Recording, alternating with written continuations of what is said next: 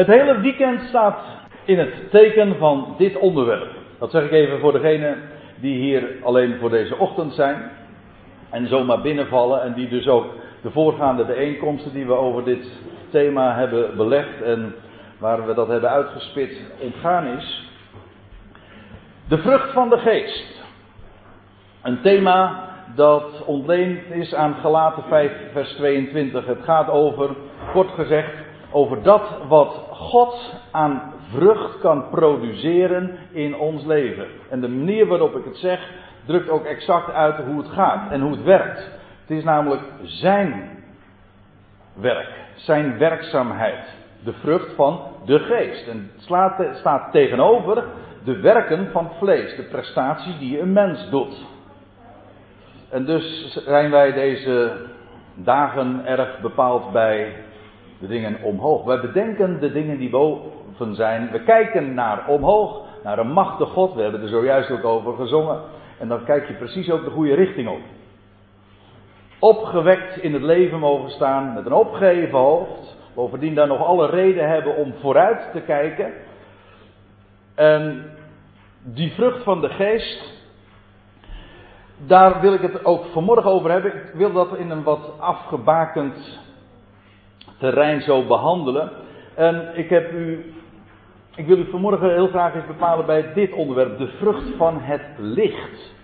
Dat is wat, uh, wat cryptisch misschien als ik het zo zeg. Maar het is namelijk zo dat.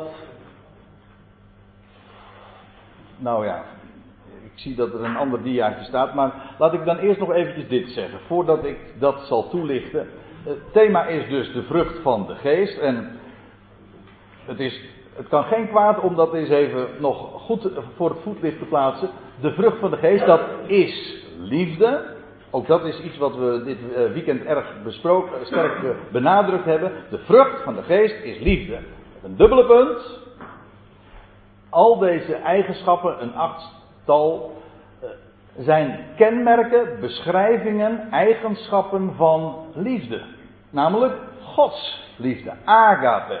Onvoorwaardelijke liefde. Zoals Gods liefde gaat over heel zijn schepping. Hij houdt van zijn creatuur. Hij is zelf de bedenker en de maker daarvan. Wel, als die geest, zijn geest, zijn kracht in ons actief wordt, dan produceert dat precies wie hij is, namelijk liefde. Vandaar ook die reflectie, de weerspiegeling. En dat, en dat resulteert in al deze eigenschappen. Die liefde, ja wat is dat? Waar hebben we het dan over? Nou, vreugde, vrede, langmoedigheid, dat wil zeggen geduld. Vriendelijkheid, goede tierenheid. Het hangt er een beetje vanaf welke vertaling je daarvoor raadpleegt. Maar het idee blijft toch in elk geval iedere keer hetzelfde. Goedheid. Het, het heilzame effect van de ander op het oog hebben. Dat is God. Maar als die zijn liefde vaardig wordt in ons leven, dan produceert dat exact dezelfde eigenschappen. Trouw. Dat wil zeggen betrouwbaarheid. Je houden aan je woord, zoals God dat ook doet. Uh, zachtmoedigheid. Heeft te maken ook met inschikkelijkheid en zelfbeheersing. Niet jezelf zoeken, daar gaat het niet om, maar Hem. En daarmee ook het heil van de ander. Dat is de, een beschrijving dus van de liefde Gods. Zoals gezegd, dat zijn een achttal eigenschappen die we vinden. Niet zoals meestal gezegd wordt, ja, de vrucht van de geest dat is, is, is liefde, blijdschap. Nee, de vrucht van de geest is liefde en dan die acht, uh, die acht eigenschappen daarvan. En dat is wel een mooi getal. Acht. Acht. Ja, zoals u het hier ziet, uh, dat vind ik het ook erg mooi. Want de acht is eigenlijk, um, dat zijn twee drieën. Dus die elkaar, of een drie die gespiegeld wordt door een andere drie. En dat uh, zet ons ook meteen op het goede spoor. Want het heeft te maken met de derde dag. Wat op de derde dag aan het licht kwam. Dat is al vanaf het allereerste begin het geval. Lees het maar na in Genesis 1. De derde dag was de dag dat het leven tevoorschijn kwam. Maar zoals, uh, zoals bekend, het is de dag dat de dood eens voor altijd werd overwonnen. En daar spreekt die acht dan ook van. Het heeft te maken met een nieuw begin, met nieuw leven. Kijk, in de Bijbelse symboliek, en dat is zelfs buiten de Bijbelse sfeer eh, het geval, is het zo dat zeven staat voor volheid. Het is zelfs heel bijzonder dat het Hebreeuwse woord voor zeven, Sheva, heeft ook de betekenis van volheid. Als je de King James uh, vertaling hebt in uh, Psalm 16, vers 11, dan, dan, wordt er gesproken over de, de fullness of His grace. Ik geloof dat mensen dat het over zijn genade gaat. Maar in ieder geval de, de fullness, maar dat woordje volheid, dat is hetzelfde woord als ook het woord voor zeven. Zodat zeven in de, in de Hebreeuwse denkwereld uh, ook de gedachte van volheid heeft. Het, is, het zijn identieke begrippen. Zeven is volheid, volheid is zeven. Die twee zijn aan elkaar gekoppeld. Wat ook niet zo hoeft te verbazen, want we zien dat ook dus in de, in de schepping. Je hebt de zeven kleuren die weerspiegeld staan aan de hemel als een embleem van Gods trouw. De zeven kleuren van de, de regenboog. Eh, de zeven, het is het getal ook van de tijd, de zeven dagen van de week. Het is de, het getal ook dat uh, erg uh, de, de muziekwereld markeert. Dan spreekt men over een, de zeven tonen. Ja, dan ook een octaaf, dat is acht. Maar dat die acht is weer een nieuw begin. Die zeven komen we op alle mogelijke manieren weer tegen. En ik hoorde ooit eens een keertje een vogeldeskundige uh, daarover praten. Hoe het getal zeven ook in de vogelwereld uh, iedere keer weer terugkomt als het gaat om broedtijd. Zijn het altijd. Ja, ik, het enige die ik weet is dat uh, een kip zit drie weken, zeggen ze dan. Hè? Dat is drie keer zeven.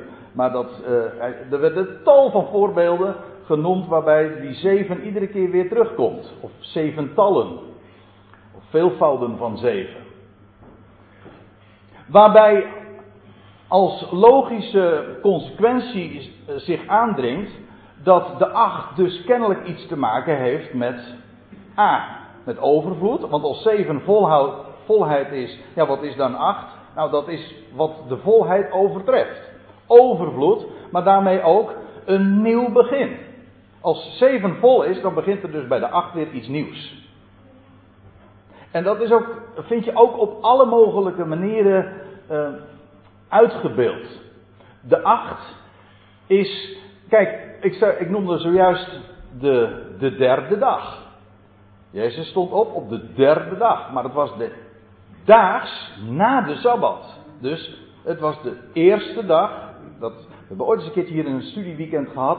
Ook een goed berichtweekend.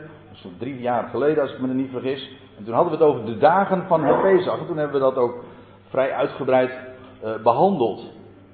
Dat de Heer Jezus opstond daags na de Sabbat op de dag van de eerstelingsscharven. Maar dat was dus de nieuwe dag van de, de eerste dag uh, van de nieuwe week. Die achtste dag is daarmee dus ook de eerste weer. Zoals je dat, ik noemde net de octaaf, maar dat is het do, re, mi, fa, sol, la, ti, do. Die do is dan weer de eerste. Van een nieuw begin. En dat vind je op alle mogelijke manieren terug. En dan wil ik op nog iets uh, eigenaardigs wijzen.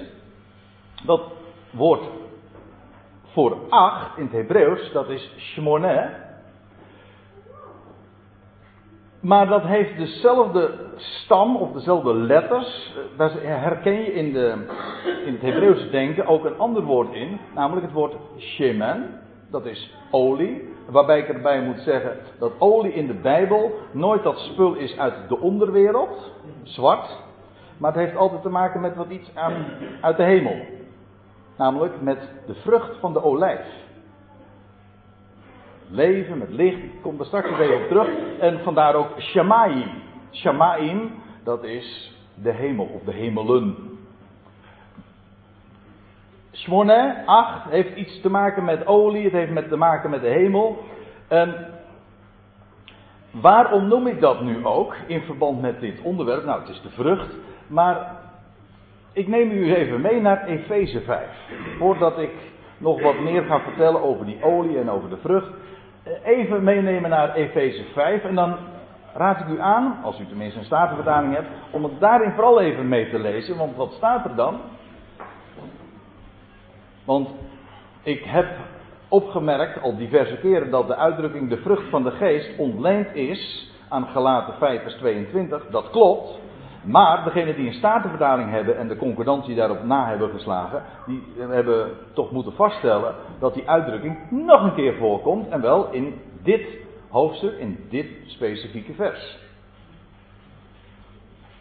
Er staat de vrucht des geestes. U moet maar even over dat, dat uh, oude Nederlands heen kijken en daar doorheen prikken. De vrucht des geestes, de vrucht van de geest. En dan staat er is in alle goedigheid, goedheid, rechtvaardigheid en waarheid. En dat vers gaat verder, maar dat laat ik nu even voor wat het is, omdat het uiteraard om dit begrip gaat, om deze uitdrukking, de vrucht van de geest. Nou ga ik u niet vermoeien met de, de, tekst, pardon, de tekstkritische problemen, hoe het nou precies zit. Want de NBG-vertaling zegt namelijk hier de vrucht van het licht. En dat heeft te maken niet zozeer met vertalen, het heeft niks te maken met vertalen, maar met, het, met de handschrift. De, de Byzantijnse tekst zegt de vrucht des geestes. En de oudere Griekse handschriften die ons nu ter beschikking staan, die zeggen de vrucht van het licht. Ja, ja, klopt. Doet nu even niet, de zaak, doet nu, uh, niet zozeer ter zake. Wat wel ter zake doet, is dat het feitelijk ook geen verschil maakt. De vrucht van de geest. Kijk, opmerkelijk is dat de dingen die hier genoemd worden ook helemaal in de lijn liggen van wat we in Galaten 5 ook tegenkomen. Wat de geest produceert, uitwerkt, aan effect sorteert. Dat is goedheid, rechtvaardigheid, waarheid, betrouwbaarheid daarmee dus ook. Dus dat zou zomaar geest kunnen zijn. Maar eh, zoals de NBG het weergeeft, de, en de vrucht van het licht.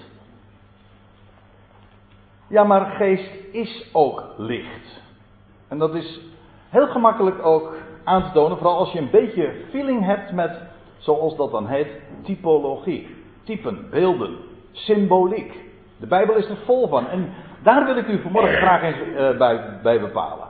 Bij symboliek. De typologie. Want de Bijbel is, ja, daar vinden we brieven, daar vinden we betogen, maar we vinden er ook tal van voorschriften, beelden, verhalen. Maar daar, zit, gaat zo'n enorme sprake van uit. Dat is zo beladen met, met symboliek. Dat, en altijd wijst het naar één punt. Naar één centrale persoon die heel, waar heel de schrift van spreekt. De vrucht van het licht. En ik wil u daarvoor graag eens meenemen. Ik had diverse opties, maar de mooiste heb ik er maar uitgekozen voor vanmorgen. En dat is de connectie die ik heel gemakkelijk kan leggen met Leviticus 24. Leviticus is zo'n typisch boek die je bij voorkeur overslaat als je die moet voorlezen. Trouwens, het is ook helemaal geen boeiend boek om te lezen. Tenminste, voor de meeste mensen niet. Weet ik haast wel zeker. Omdat het ook vol met uh, regels staat in de zin van, van symboliek. Nou, ook dit is weer zo'n zo'n zo'n voorbeeld van beschrijvingen hoe uh, dingen moesten gebeuren aan het heiligdom, aan het tabernakel, de kleuren, de maten, de voorwerpen, de materialen, etc. etc. De, de, de dagen, maanden, nummers spelen daar een grote, grote rol in. En dan gaat je allemaal duizelen. Maar ik zeg heel graag, en ik word daar ook telkens weer in bevestigd. De Bijbel is ook niet primair een boek om te lezen, maar het is een boek dat je zou onderzoeken. Er staat ook, er staat ook nergens, lees de schriften. Er staat wel in de Bijbel, in Johannes 5, onderzoekt de schriften. Want juist door te onderzoeken, een mooi woord trouwens, door eronder te zoeken, onder de oppervlakte. Dat is dus niet iets wat je tegenkomt wanneer je gewoon oppervlakkig leest. Nee, de, de schatten, maar dat is altijd zo hè, met goud, dat ligt onder de oppervlakte. Als je goud wil vinden, moet je onder de oppervlakte wezen. Moet je onderzoeken. En dat geldt ook voor die machtige dingen die in het boek Leviticus, want het, gaat een, het is een schitterend boek. Als je onder de oppervlakte leest en kijkt. En, dan en wat bedoel ik met onder de oppervlakte? Wat staat er precies? Hoe staat het er in het Hebreeuws? Maar ook waar, staat dat woord wat hier gebruikt wordt? Uh, waar komt dat nog vaker voor? Dan ga je. En de Bijbel is een boek. Dus, nee, de Bijbel is een bibliotheek. Het is een verzameling van 70 boeken, wel geteld. Ja. En die bibliotheek vormt een eenheid. Het, zijn al, het, is, een, het is een hele veelkleurig uh, verzameling van boeken. En wat blijkt? Nou, zijn ze, ze zijn zodanig geordend in het origineel. dat het een, een machtig concept ver, uh, verraadt. Het is net alsof er over nagedacht is. Dat, die, die, boeken die, die, die horen bij elkaar, ze vormen een eenheid. Het ene boek legt het andere uit. Er staat in 1 Petrus 1, nee 2 Petrus 1, dat geen profetie der schrift heeft een eigen uitlegging. Dat betekent, profetieën der schrift leggen elkaar uit. Dus als je wil weten wat dit schriftgedeelte betekent, dan moet je in het andere schriftgedeelte wezen. Ja, eerst goed lezen natuurlijk. Dan bedoel ik niet eens eh, in de eerste plaats de vertaling, maar ook daar Ga naar de bron. En dan, als je wil weten wat het echt betekent, dan heb je andere schriftplaatsen nodig. Dan pak je een concordantie. Dat wil zeggen, een trefwoordenlijst. Waar komt dat woord nog vaker voor? En wat je dan allemaal op het spoor komt.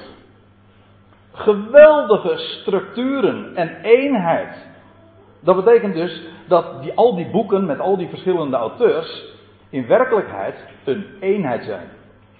Wij noemen het de schriften, meervoud, boeken, zoveel auteurs, geschreven over een vele duizenden jaren. Ja, maar het is feitelijk toch bij nader inzien een boek.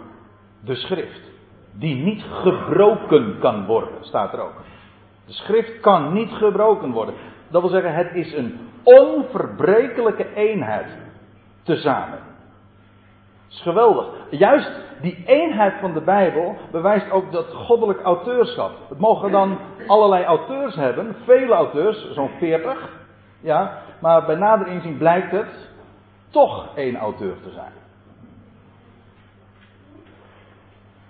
Leviticus 24.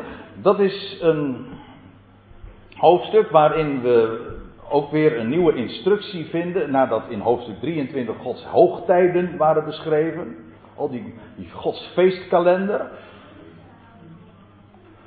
En dan krijgen we een schitterend hoofdstuk, maar dan gaan we naar Leviticus 24 en dan lees je in het eerste vers, de Heere, Jaweh, sprak tot Mozes, en dan staat er, gebied de Israëlieten dat zij tot u brengen zuivere olie, niet aardolie, maar olie uit, dat staat er ook bij trouwens, uit gestoten olijven. Dat wil zeggen de meest zuivere olie uit de olijf. Dat is in de Bijbel olie. En ja, ik heb er een paar plaatjes bij. De olijfolie, we weten allemaal wat voor werking dat heeft. Het is een zeer vitale vrucht. In de Bijbel wordt het heel dikwijls gebruikt als, eh, als, een, als een nou medicijn is misschien, ja ook als een medicijn. Zieken worden gezalfd ook met olie. Een wond, olie in de wonden, geneeskrachtig. En we weten ook in allerlei andere opzichten hoe vitaal deze vrucht is en dat wat het produceert. Maar daar komt ook nog iets anders bij. En het is een, de boom waaraan die olijf groeit, een olijfboom, ja ja, is een boom die niet doodgaat. Overleeft zichzelf. Vandaar ook dat je, eh, nou dit is een hele oude knar zo te zien, eh, van wellicht al duizenden jaren oud. Er zijn bomen, olijfbomen van, ik meen, eh, van 3000 jaar oud. En als, en als ze niet omgehakt worden of door andere omstandigheden niet, uh, niet doodgaan, zou het in principe dus een eeuwig levende boom zijn. En zie daar ook, dat is symbolisch. Het is een embleem van leven dat sterker is dan de dood. Want hij sterft wel, maar hij regenereert. Zo noemen ze dat in de biologie, heb ik me laten vertellen. Een zichzelf regenererende boom. Regeneratie betekent trouwens wedergeboorte. Een boom als, niet alleen in dat wat het produceert, maar gewoon als boom zelf, is het een embleem van leven dat sterker is dan de dood. Dan de dood. Bomen sterven af, normaal gesproken, ja, maar deze olijfboom niet. Dus je had eigenlijk al kunnen bedenken uh, dat wat het produceert moet ook iets te maken hebben met, met leven, met vitaliteit. Ik heb hier nog een ander plaatje bij, ook een associatie. Als je het hebt over typologie, dat, dat, is heel, uh, dat is heel associatief. Dat wil zeggen, je hoort een woord en dat, dan, dan, ook al heeft het strikt genomen geen logisch verband met een ander begrip, bij nader inzien toch wel, want het, dezelfde klank, dezelfde gedachte roept het op. Uh, dit is een plaatje, voor degenen die er wel eens geweest zijn, die kunnen, herkennen het onmiddellijk. Van, zeg deze. Sorry? Ja, ja, hier inderdaad zie je op de achtergrond nog het maar het is van de Olijfberg. De Olijfberg. Waarom zou die, boom zo, uh, die berg zo heten? Nou, omdat die van origine dus bekend stond omdat het uh, begroeid was met olijven. De olijfberg, inderdaad, daar had je de olijvenpers. Gethsemane betekent dat ook olijvenpers. En nog steeds staan daar bomen van zo pakweg, waarschijnlijk twee of tweeënhalfduizend jaar oud, maar liefst. Het was de berg, hou hem even vast, want we komen er nog op. Het was de berg waar de Heer ooit 40 dagen na zijn opstanding ten hemel voer. Zich ontrok aan het gezicht en de Shamaim inging. De hemelen inging, het hemels heiligdom betrad. Als een hoge priester ging hij toen in in het heiligdom. Dat is bijbelse, ook dat is weer bijbelse symboliek, waarbij die tabernakel, het heiligdom, een beeld is van de hemel, de plaats waar God woont, waar alles goud is, waar onvergankelijkheid is. Daar ging hij ten hemel in. Uh, je ziet nog een ander plaatje. Daar, want olie speelt op alle mogelijke manieren een grote rol in de Bijbel. Maar hier uh, zie je dat ook uitgebeeld. Hier is dat, geloof ik, moet dat voorstellen, David die gezalfd wordt door Samuel. Met een, vanuit een hoorn. Niet vanuit een. Je leest van. Het is heel eigenaardig. Je leest van. van Saul dat hij gezalfd wordt vanuit een kruik. Dat heeft te maken met vergankelijkheid. Dat gaat voorbij. Maar David die werd gezalfd met, vanuit een hoorn. Dat is ook weer een beeld van koningschap. Goed. Maar hij werd gezalfd. Gezalfd waarmee? Met olie. Dat spul. Olie, dat, dat, dat die, uh, vanuit die vitale vrucht, maar olijfolie. Daar werd een, iemand gezalfd tot koning. Of iemand werd gezalfd tot priester. Altijd gezalfd namelijk met olie. En als wij zeggen dat Jezus is de Christus, dan zeggen wij, hij is de gezalfde. Christus is Grieks. Ik kan het ook op zijn Hebreeuws zeggen, dan zeg ik Mashiach, Messias, betekent ook gezalfde. Maar hij is gezalfd, ja met olie, maar dan uiteraard in beeld, hij werd gezalfd met geest. Geest, die olie, zo moet ik het dan het, uh, zo kan ik het beste zeggen.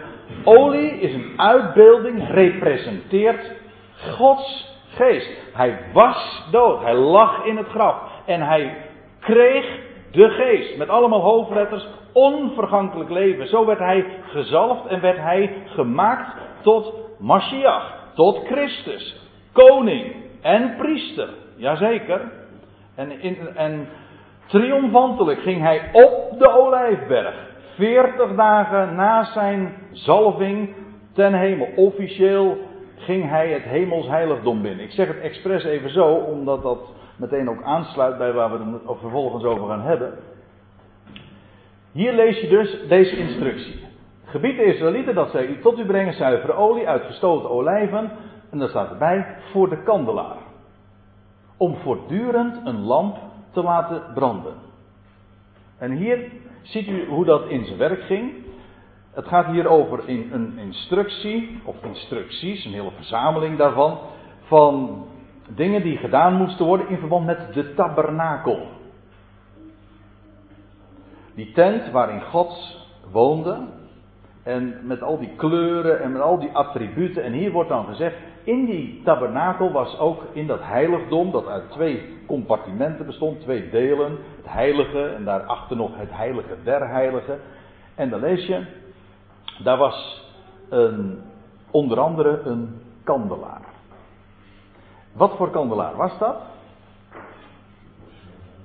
Ja, een kandelaar produceert licht, althans, daar dient het ook voor.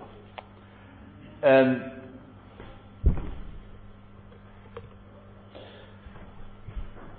over die kandelaar wordt elders weer gezegd. Kijk, en dat zo, zo, gaat dat met Bijbelstudie. Dan moet je weer even naar een andere schriftplaats toe. van die kandelaar lees je dit, en dan gaan we dus even naar Exodus 25. Ja, we komen gewoon weer, uh, we komen gewoon weer uit waar we begonnen. Maar we maken nog zo wat zijpaadjes. Er staat er in Exodus 25, vers 31, over die kandelaar. Gij zult een kandelaar van louter goud maken. Goud heeft te maken met onvergankelijkheid. Dus dat, dat is dat materiaal dat niet roest, dat niet voorbij gaat. Het heeft met, met Gods heerlijkheid te maken. Goud en God en met heerlijkheid. Wat niet vergaat. Gij zult een kandelaar van louter goud maken. En dan staat erbij: zes armen nu zullen uit zijn zijden uitsteken. Ik u ziet hier het embleem van de tegenwoordige Joodse staat. De staat Israël. En dat is die, die zesarmige kandelaar. Het zijn zes armen. In totaal zijn het dus zeven. Hoe moet je dat dan zeggen? Eh, zeven lichtdragers, ja, maar het zijn zes zijarmen. Zo staat het ook. Zes, zes, zes armen en in totaal dus zeven lichtdragers. Zes armen nu zullen uit zijn zijde uitsteken. Drie bloemkelken in de vorm van amandelbloesem aan de ene arm. U moet zich uh, gewoon dit voorstellen. Die kandelaar die in dat heiligdom geplaatst was, van louter goud, was een gestileerde amandelboom. Het moet een, een stam voorstellen van een amandelboom met allemaal takken. En die takken geven licht. Hoe? Daar gaan we het nog over hebben. Maar even, het, was een, het moest een amandelboom voorstellen. Dat staat er. In de vorm van amandelbloesem. En dan lees je ook nog dat die, dat die in de andere instructies moest niet alleen bloesem, maar ook vruchten in een bepaald aantal. Allemaal buitengewoon boeiend, maar we laten het allemaal even links liggen, want we moeten wel een beetje bij het onderwerp blijven. Het was een amandelboom.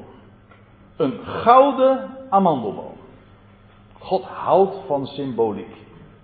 Dat zie je, in, dat zie niet alleen in, in de Bijbel, ik zie het in de hele schepping ook. Alles spreekt, er gaat een sprake van uit. Het verwijst allemaal naar Hem. Ja, wat dacht je wat? Alle dingen zijn uit het woord voortgekomen, dus spreken ze ook van het woord. Maar nu even dit. Amandelbloesem. Wat is er zo bijzonder aan amandelbloesem? Ja, dan moet je ook weer even onderzoeken. Want amandel. Nou neem ik u weer mee naar, naar Jeremia 1. Ja, daar lees je en het Jeremia 1. Dan wordt Jeremia geroepen. En dan staat er en het woord des Heren. Het woord van Jahweh kwam tot mij. Wat, wat ziet gij, Jeremia? Wellicht in een visioen of letterlijk. En dan staat er, toen zeide ik, ik zie een amandeltwijg. En dan vervolgens, en daarop zeide de Heer tot mij, gij hebt goed gezien. Want ik waak over mijn woord om dat te doen. Dat is bijzonder. Of dat is eigenaardig. Hoezo? Wat is de connectie tussen een amandeltwijg en waken? Ja, en dan moet je dus ook uh, Hebreeuws kennen. Want het woord voor amandel, of een amandelboom, is hetzelfde woord, of afgeleid van stam, dat heet, betekent waken of ontwaken. Dus als hier staat, ik zie een amandeltwijg en, daarop, en dan zegt God, daarop zei de, de Heer tot mij, je hebt goed gezien. Want, er is dus een connectie tussen beiden. Want ik waak over mijn woord om dat te doen. Dat is God, hè. Hij waakt over zijn woord. Er is, zijn woord is hem heilig. Als hij iets zegt, dan gebeurt er wat. Als hij zegt, er is licht, dan is er licht. Zijn woord is kracht. Hij waakt over zijn woord. Maar dan hebben we nog een andere vraag. En dat is, hoezo, waarom betekent, of waarom wordt die in Hebreeuws een amandelboom nou een, uh, een, een wakende boom genoemd? Nou, dat is heel logisch. Want de amandelboom is in Israël, in het Midden-Oosten, de boom die het eerst in bloei komt. Met zijn witte bloesem. Helemaal witte bloesem. De zeven kleuren ook representeren. Het is de boom in het voorjaar die het eerst ontwaakt. Als de doodse winter voorbij is, dan wordt dat gemarkeerd door de amandel. Die leven aankondigt. Een nieuwe dag. De, het slapen is voorbij. Ontwaakt gij die slaapt en sta op uit de doden. Dat idee. Het is nieuw leven, een nieuwe dag, nieuw licht. Dat is die amandelboom. Dus het is ook logisch waarom die boom in het Hebreeuws ook te maken heeft met, met waken, ontwaken. Het is de boom die nieuw leven aankondigt. De lente. Spring is in the air. Hm?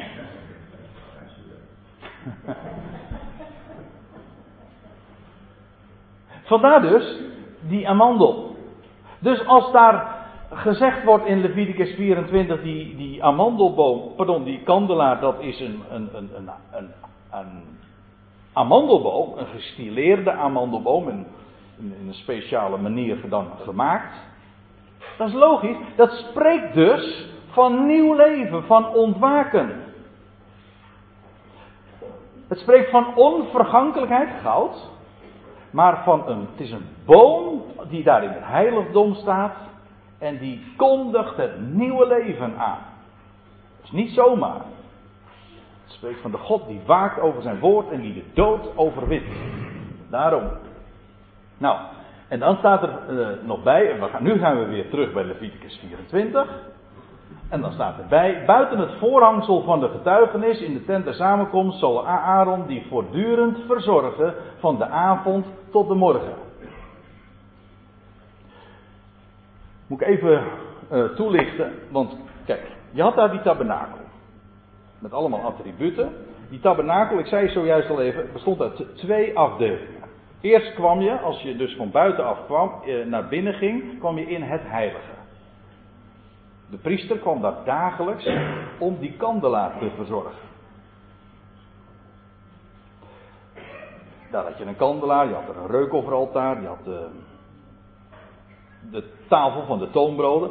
Daar, dan vervolgens kwam je weer bij een gordijn, dat wordt hier genoemd het voorhangsel, een gordijn. En daar had je het heilige der heiligen. Daar mocht de hoge priester één keer per jaar binnenkomen.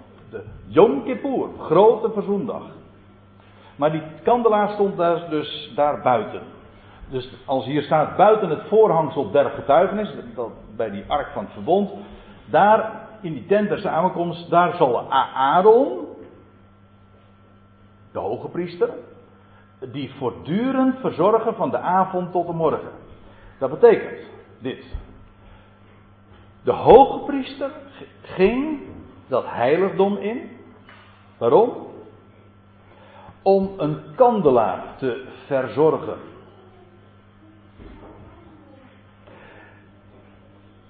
Van de avond tot de morgen. Hij zorgde ervoor dat terwijl het in de wereld donker was, dat daar licht brandde. En even dit. Verzorgen, wat betekent dat, wat moest hij dan doen? bij die kandelaar? Nou, in de eerste plaats, hij moest dat, uh, daar was ook, die kandelaar was zodanig gemaakt dat het licht, uiteraard licht gaf. Die boom gaf als het ware licht. Het produceert vrucht, ja, maar wat produceert die vrucht is hetzelfde als, als leven, het is licht. Hij vulde hem bij dagelijks met olie, olijfolie.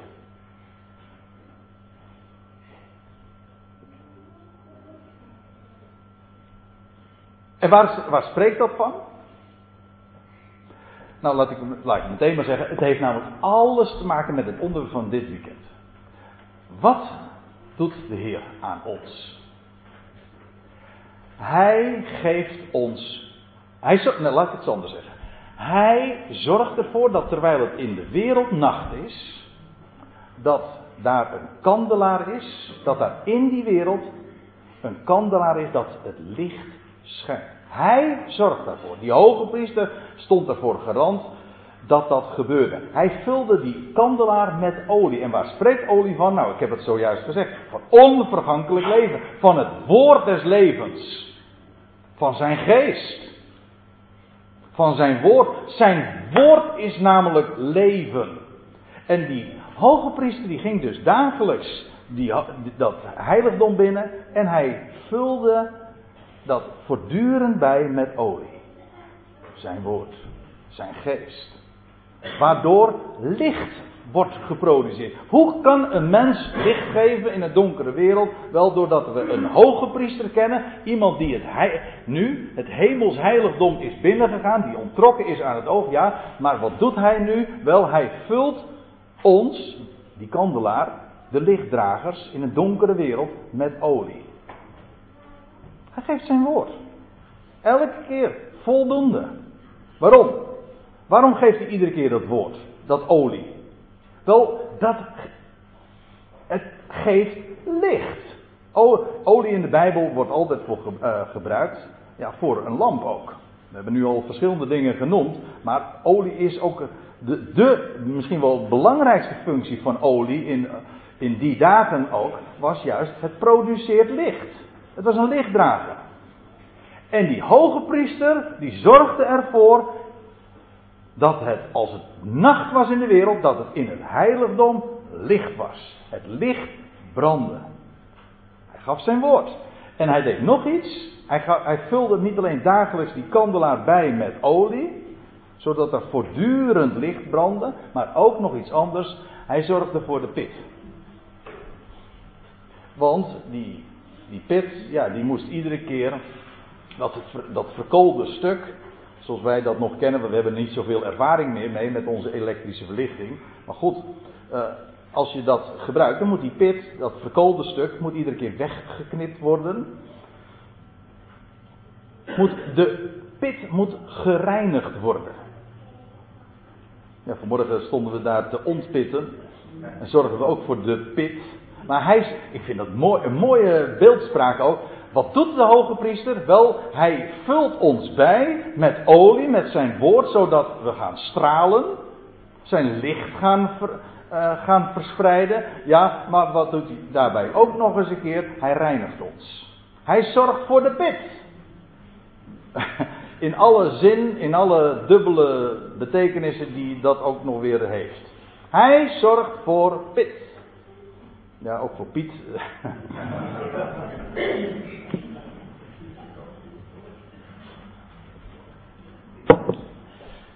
En hij reinigt ook. Gisteravond hadden we het er ook nog even over.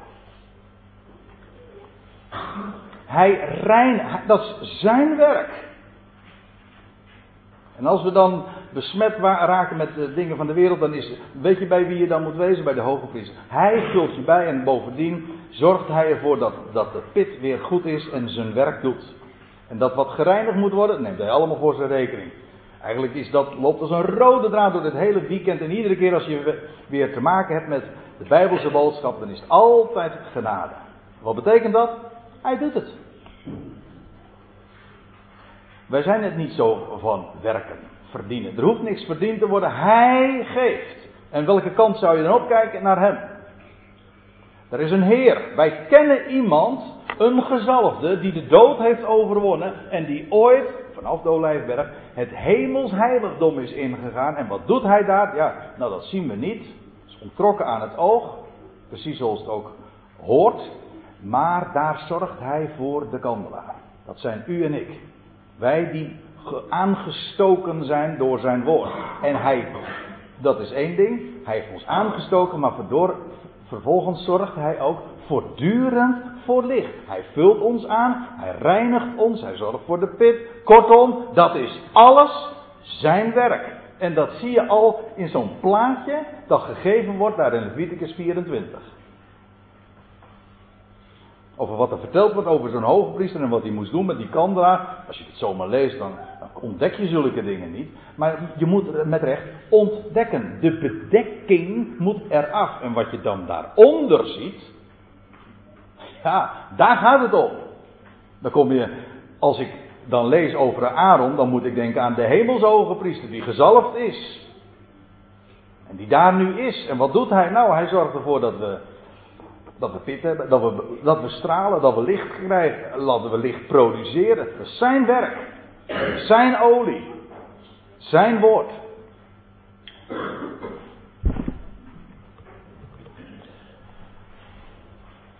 Van de avond tot de morgen. En we hebben er al op allerlei manieren ook aan gedacht dat het in de wereld een donkere wereld is. Ja, als je zo een weekend als deze hier bent, dan denk je, goh, het is het, is, het heeft iets hemels en alle rust zit hier bij elkaar en je, je beleeft eh, gewoon de rust en dat wat hij geeft. Maar laten we wel wezen, de wereld is in vele opzichten donker.